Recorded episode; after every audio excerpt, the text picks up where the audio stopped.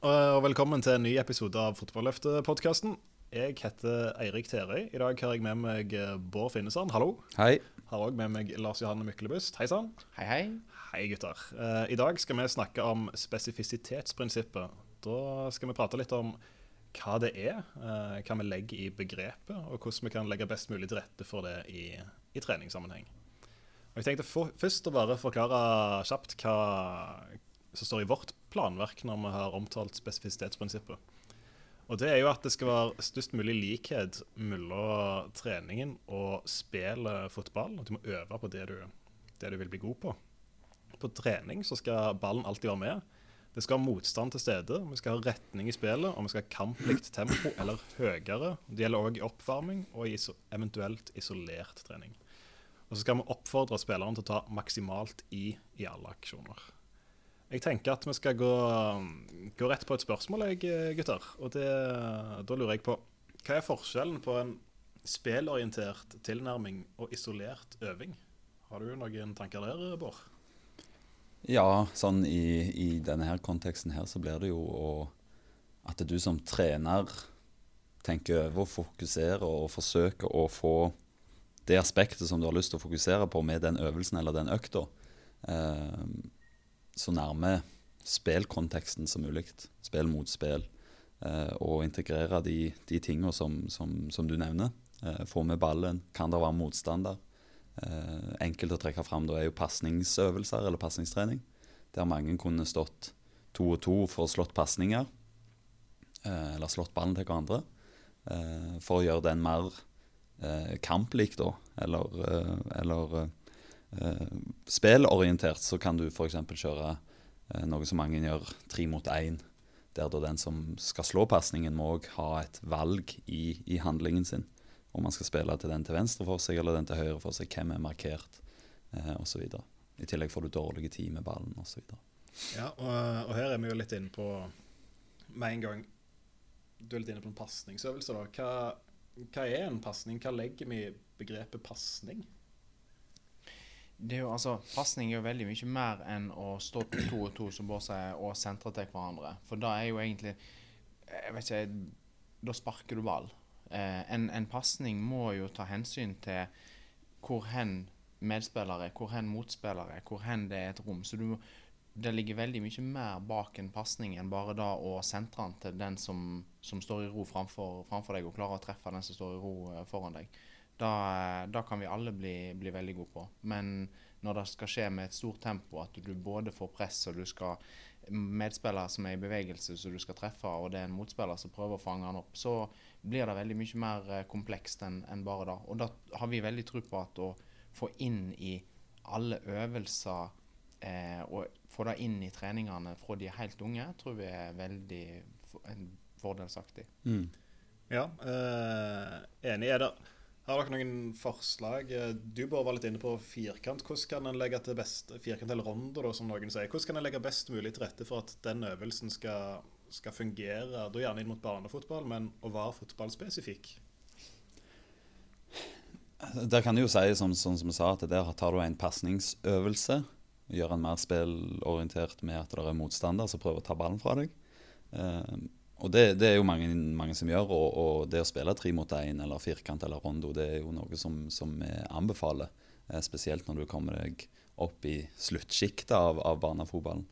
Eh, men for å gjøre den enda mer kamplik, så kan du jo tenke eh, Så kan treneren være kreativ og, og, og tenke hva er, hva er fotballspillet? F.eks. hvis, hvis eh, jeg mister ballen i en kamp, så er det ikke sånn at jeg skal stoppe opp. Da stopper ikke spillet. Mm. så du kan jo f.eks. legge inn elementer av omstilling. At den som vinner ballen, eh, skal gå og skåre et mål eller komme seg ut av firkanten. Eh, og de tre som holdt ballen, må prøve å vinne den tilbake eller hindre mål. Da får du umiddelbart et nytt aspekt med i den øvelsen som er, som er kamplikt. Og så er det jo sånn, Du nevner der at hvis du gjør det til en vane når du har firkant, når du har én mot én, at du liksom bare du spenner ballen vekk eller du berører den, eller hva det er, så er du ferdig. Så ja, du vet at når du kommer til kamp, så skal du gjøre noe med ballen. Men det ligger liksom innebygd i deg. Hjernen din jobber sånn at det blir en vane. Når du har gjort det mange nok ganger, så er det fort sånn at hodet ditt fungerer sånn i kamp at du gjør det samme. Så nå på en måte lære hele den prosessen med at når jeg får tak i ballen, så skal jeg gjøre noe produktivt, produktivt med den. Nå har vi jo vært litt inne på dette med, med å ha en spillorientert tilnærming. Når jeg snakker om det, når jeg er ute og prater med folk, så har jeg jo en tredeling da, i, i en pasning i et skudd, eller hva det måtte være. Og det er jo orientering, at du ser liksom tar inn hva som skjer rundt deg. Så tar du et valg på grunnlag av det, og så er det å utføre det valget. Eh, NFF sier da handlingsvalg og, og, handling. Og det er jo Hvis du kun utfører den tekniske som vi har vært inne på, så er det jo veldig begrensa når du kommer til spill, og det, du må ta det inn der. Så prøv å få inn, få inn alt. At du må se hva skjer her nå. Ta et valg ut ifra det som skjer, for å løse situasjonen, og så utfører du. For utføring, som, som vi sier Det er mange i lavere divisjoner òg som, som, utfører veldig godt, men hvis du ikke har det andre, så kommer du ikke så langt til, det, til slutt. Mm. Isolert øving, da. Har vi noen, uh, har vi noen ganger vi anbefaler det? Eh, jeg tenker jo først og fremst på isolert øving. Da bruker de jo, og bør bruke veldig mye på egentrening. Eh, da er, og når en har mulighet til å ha mer spillorientert, så bør en egentlig bør en velge det. Og da har en jo muligheter for på trening i en større grad enn en ofte har når en er, når en er hjemme og gjør det på egen hånd. Og da vil en få de repetisjonene som, som er der, som er, som er, veldig bra. Og egentrening og isolert trening når en holder på med egentrening, er helt, eh, helt topp så har vel vi òg inne på, de, på de, det planverket som vi har, så ligger det jo òg isolerte sprinter. Ja. Eh, og de ligger jo der Er det fire stykker vi har? Eh? Fire stykker i, i, hver eneste økt. Fra fem til tolv år så er det fire sprinter etter en sjef over ballen, eller en teknisk eh, oppvarming, avhengig av alder. Så er det fire sprinter, og det er jo fordi at eh, vi ser, og dette er diskusjoner vi har hatt med fysisk ansvarlig og akademiet og, og flere, at det er veldig mange som tar, tar i alt de har i en trening, og liksom jobber med 100% intensitet. Det, det er det mange som gjør. Ikke alle, men veldig mange. Men det er veldig få som faktisk springer så fort de kan i løpet av en trening. Det er mye små områder du liksom og du tar i, og du tar i over kanskje en lang periode, men da får du ikke den toppfarten. Så for å sikre at spillerne blir, blir raskere, så har vi lagt inn fire isolerte sprinter uten ball, bare for å pushe det. Pushe den farten. Og Det er jo det eneste unntaket vi har i, i trening.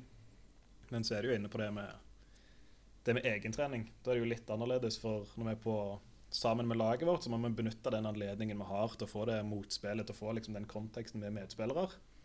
Der vi kan utvikle oss og få hele ferdigheten. Mens isolert, det er en mulighet når vi, har, når vi er alene eller i lag med en eller to kompiser. Da kan vi heller jobbe med det da passer det bedre. Men når vi er på trening, så tenker jeg at benytt de mulighetene som ligger der, for å få hele handlingen, og ikke bare den tekniske utførelsen. Og så kan du jo du kan jo se på det litt som et spekter, der du i den ene enden er helt isolert, kun eh, spiller og ball, og i den andre enden så har du spill mot spill, eh, mål osv. Så, videre, så, så der, er, der er liksom kampen. Mm. Og, og der kan du jo justere litt hvis du kjenner at f.eks. I, en, i en skåringstrening da, du har lyst til at de skal få masse repetisjoner på mottaksskudd. Så kan du jo manipulere den øvelsen og gjøre det til at eh, så lenge de har en god utførelse av mottaksskudd, så rekker ikke forsvareren oppi, f.eks. eksempel. Men det er en forsvarer som gjør at eh, jeg blir, som spiller blir pusha på å ta det mottaket hurtig, få av det skuddet, skuddet raskt. Det er et stresselement. Der kan, du, der kan du på en måte eksperimentere litt og, og, og, finne gode løsninger på at uh, du allikevel får det der stresselementet som du sier, og den der pushingen av, av tida. Mm. Og så er det jo, Vi har jo denne trenerveiledningen ute i klubbene, og vi ser en del treninger i barnefotballen. og mange Forrige episode snakket vi om aktivitetsprinsippet. Uh, og mange spiller jo gjerne like store kamper som det de, eller kamper på trening som det de har når de har faktisk kamp mot andre lag. Så Hvis du har et 20-årlag, så spiller de kanskje 7 mot 20 på, på, trening. Men så er det jo I dag snakker vi om spesifisitetsprinsippet, men det er jo trening og på en måte fotballøvingen er jo en sammensetning av mange. Uh, og mange vil jo si at kampen er den beste treninga, det mest spesifikke du kan gjøre, for det er jo det du øver på. Men hvorfor anbefaler vi da eh, smålagsspill foran at de spiller sju mot sju hver trening? Er det, er det pga. aktivitetsprinsippet spiller inn, eller hva, hva, er årsaken der? Det er jo eh, det er flere, flere grunner. Men, men, selvfølgelig aktivitet er en viktig del.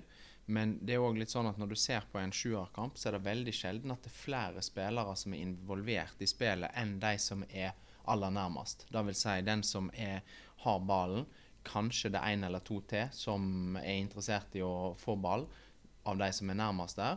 Og så har du én eller to eh, forsvarere som òg eh, prøver å få tilbake den ballen. Resten er passive helt til dess ballen nærmer seg dem. Og eh, da det, kan vi like å ta vekk den delen, isolere den delen og ta den inn i, eh, inn i treningene. For det er egentlig kampene består, når de er så små, så består det enormt mye av tre mot tre, tre mot to, tre mot én-situasjoner, to mot én-situasjoner. Det er egentlig da kampene er. En hel mm. drøss av sånne situasjoner. Det er veldig sjelden du ser eh, spiller nummer fire eller fem eh, ta et voldsomt initiativ ja, og prøve mm. å melde seg, melde seg, på. Så det er jo egentlig for å da klare å, å sørge for at de får nok repetisjoner, samtidig så er det så kamplikt som du egentlig kan, kan få det. Mm. Ja. Og Her har jeg, jeg opp en artikkel fra 2019 som står i fotballtreneren.no. Eh, eh, den heter 'Spesifisitetsprinsippet viktig i barnefotballen'.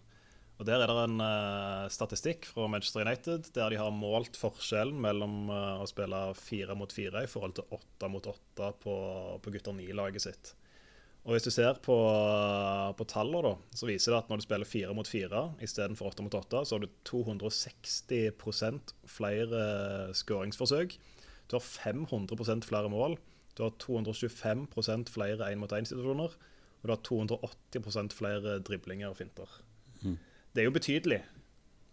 Så det er en stor gevinst i det, og, og, og som du òg er inne på, Lars Johan, at uh, hvis du spiller 7 mot sju, så klarer du ikke å ta inn alt som er langt vekk. Uansett, det blir den Ja. Du er ikke lagd, du er ikke kommet så langt at du kan ta inn hele bildet ennå. Så hvorfor skal du ha det hele bildet når ikke involveres i det? Uh, men en case da, som jeg tenkte kunne være interessant å diskutere, er jo uh, Hvordan kan man gjøre skåringstrening, eller, eller skuddtrening, som noen kaller, vi liker å kalle skåringstrening, mest mulig fotballspesifikt?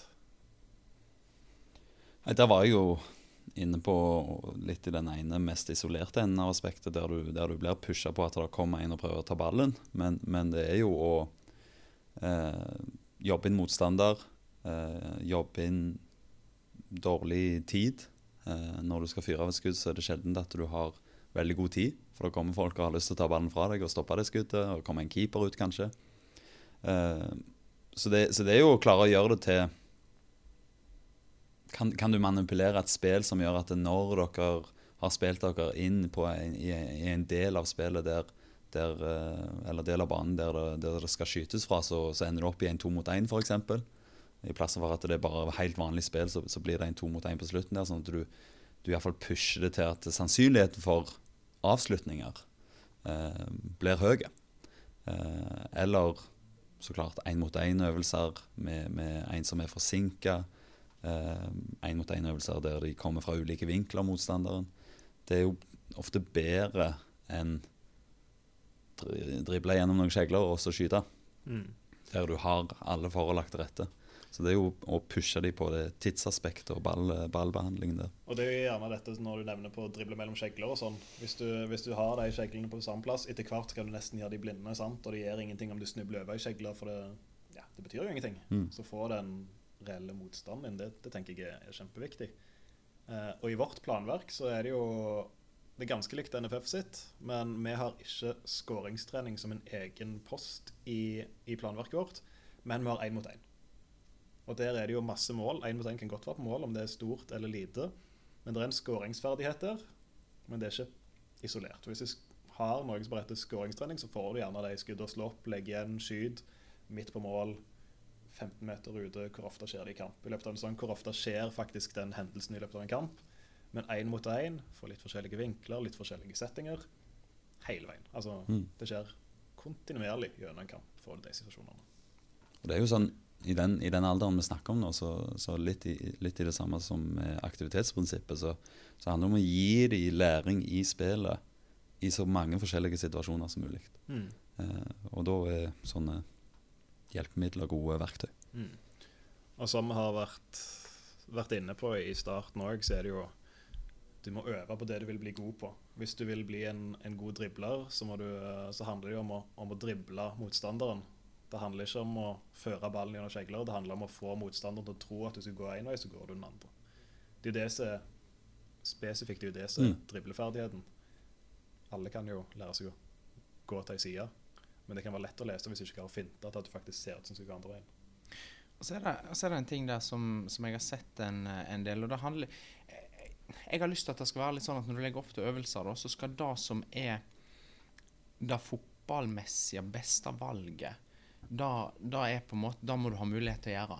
Mm. Eh, og, eh, og da har jeg sett en del lag som kjører eh, De har begrensninger på f.eks. at ok, en må, de er ni år gamle, og så må ballen innom alle på laget før de kan skåre. Mm. Eh, og så, hvis du da blir spilt opp og du er alene med keeper, eller du står med åpent mål, skal du da ikke skåre? For da at han stopperen bak der har ikke fått vært borti ballen ennå. Mm. Da begynner en å ta noen valg. Det mest fornuftige valget da vil mest sannsynlig være å sette den ballen i mål. Og kan du skåre, så er det alltid det beste og det lureste valget i fotball. Mm. Kan du skåre, så skårer du. Mm. Eh, og og det, da, er- det kan være lurt å tenke litt på, på der. Jeg har òg sett at liksom folk må ha en pasning før de kan eh, Eller så og så mange pasninger Mm. før de får lov til å skåre. Så vinner da spissen vinner ballen, og så spiller de til og med uten keeper. Så han har vunnet ballen, og han er alene med åpent mål. Og så trår han på ballen, så vender han hjem igjen, og så spiller han. Mm. Og da må en finne noen regler der, f.eks. at eh, OK, hvis du har så mange pasninger før du skårer, så får du kanskje to mål Mm. når du skårer. Mm. Men du må fremdeles ha lov til å skåre, og det må være lurt, for det er lurt å skåre når du er alene med åpent, eh, åpent mål. Riktig. Så det er lurt å ha litt inne i at en tenker på når en legger inn sånne begrensninger, at ikke det går utover det fotballspillet, da, og det Mm. som egentlig er det viktigste i, i fotball. Mm. Mm. Og det, det minner meg jo på noe som jeg eh, Vi har hatt en del fotballskoler gjennom år som har vært. Og da har jeg gjerne ofte en stasjon på, på smålagsspill. Og da har vi noen korte kamper, og så tar jeg det inn, og så samler jeg, og så diskuterer vi litt. Og da er et spørsmål jeg ofte stiller Når du er i angrep, så har du tre muligheter. Og så spør jeg hva det er. Jo, og det, det er pasning, det er skudd, og det er dribling. Det er på en måte de tre, tre store tingene som du, du kan gjøre. Og spør hva er best? Og det svar en får da for egentlig ganske ja, eller ikke voksne, men eldre spillere, som opptil tolv år, mellom ni og tolv år, de aller, aller fleste svarer pasning. Og da er det litt sånn Det blir innarbeida at pasning alltid det riktige valget, fordi det er så stort fokus på det i trening. Men realiteten er jo at det avhenger av situasjonen.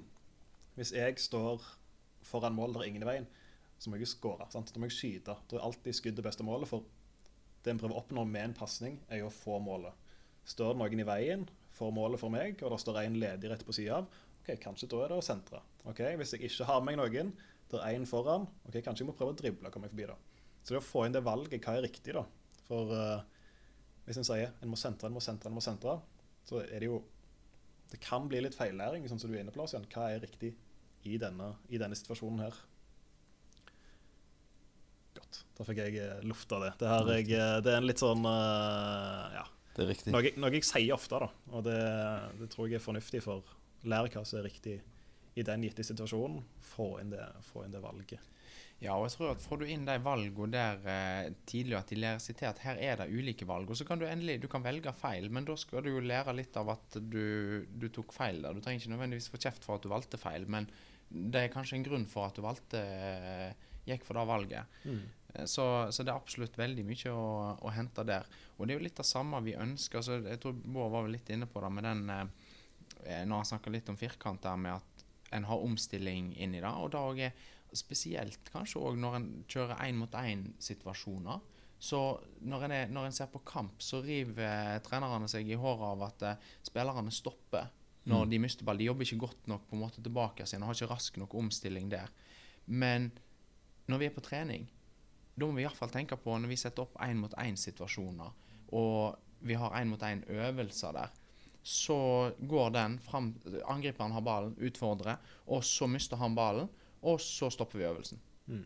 Så han, du får aldri inn i blodet. Han gjør jo bare det på kamp som en gjør på trening. For en får Mm. ikke inn i blodet den der omstillinga at shit, her må en tilbake og, og vinne tilbake igjen den, eh, den ballen. Før Nettopp. forsvarsspilleren faktisk går opp og skårer. for da må en òg legge til rette for at han, han kan. For målet med å vinne ballen er jo å gjøre noe produktivt med den. Helt klart. Det er ikke bare å stoppe angrepet til motstanderen, det er at vi skal gjøre noe produktivt med den. Det er jo Mm. å hindre mål imot og faktisk skåre mål selv. Det er jo de to, to målene Mm. som vi jobber mot. Og så er alt annet er virkemidler på veien. Godt. Eh, Da er vi gjennom punktene, karer. Har dere noe dere vil eh, tilføye på slutten? Kommer ikke på noe spesifikt. Uh, nei. Ingenting Nei, spesifikt. Nei, jeg tror du har sagt det viktigste her. eh. Ja, jeg tror vi, tror vi gjennom det, det grunnleggende, og vi, vi gir oss der. Godt jobba. Ikke så. Takk det samme. Gode innspill. Da kan jeg si det at uh, følg oss gjerne på, på Facebook. Hvis dere vil uh, samarbeide med, med Viking fotball, så er det muligheter. Ta gjerne kontakt. Vi heter Fotballøftet, fotballøftet der. Dere finner oss òg på, på mail og diverse. Eh, samarbeidspartnerne våre er Lyse, Pizzabakeren, Rosenberg, Diadora, Sport1, Kefer Energy og BDO. Takk til de som gjør at vi kan gjøre de tingene vi gjør. Og da, takk for i dag. Thank you. Hei da.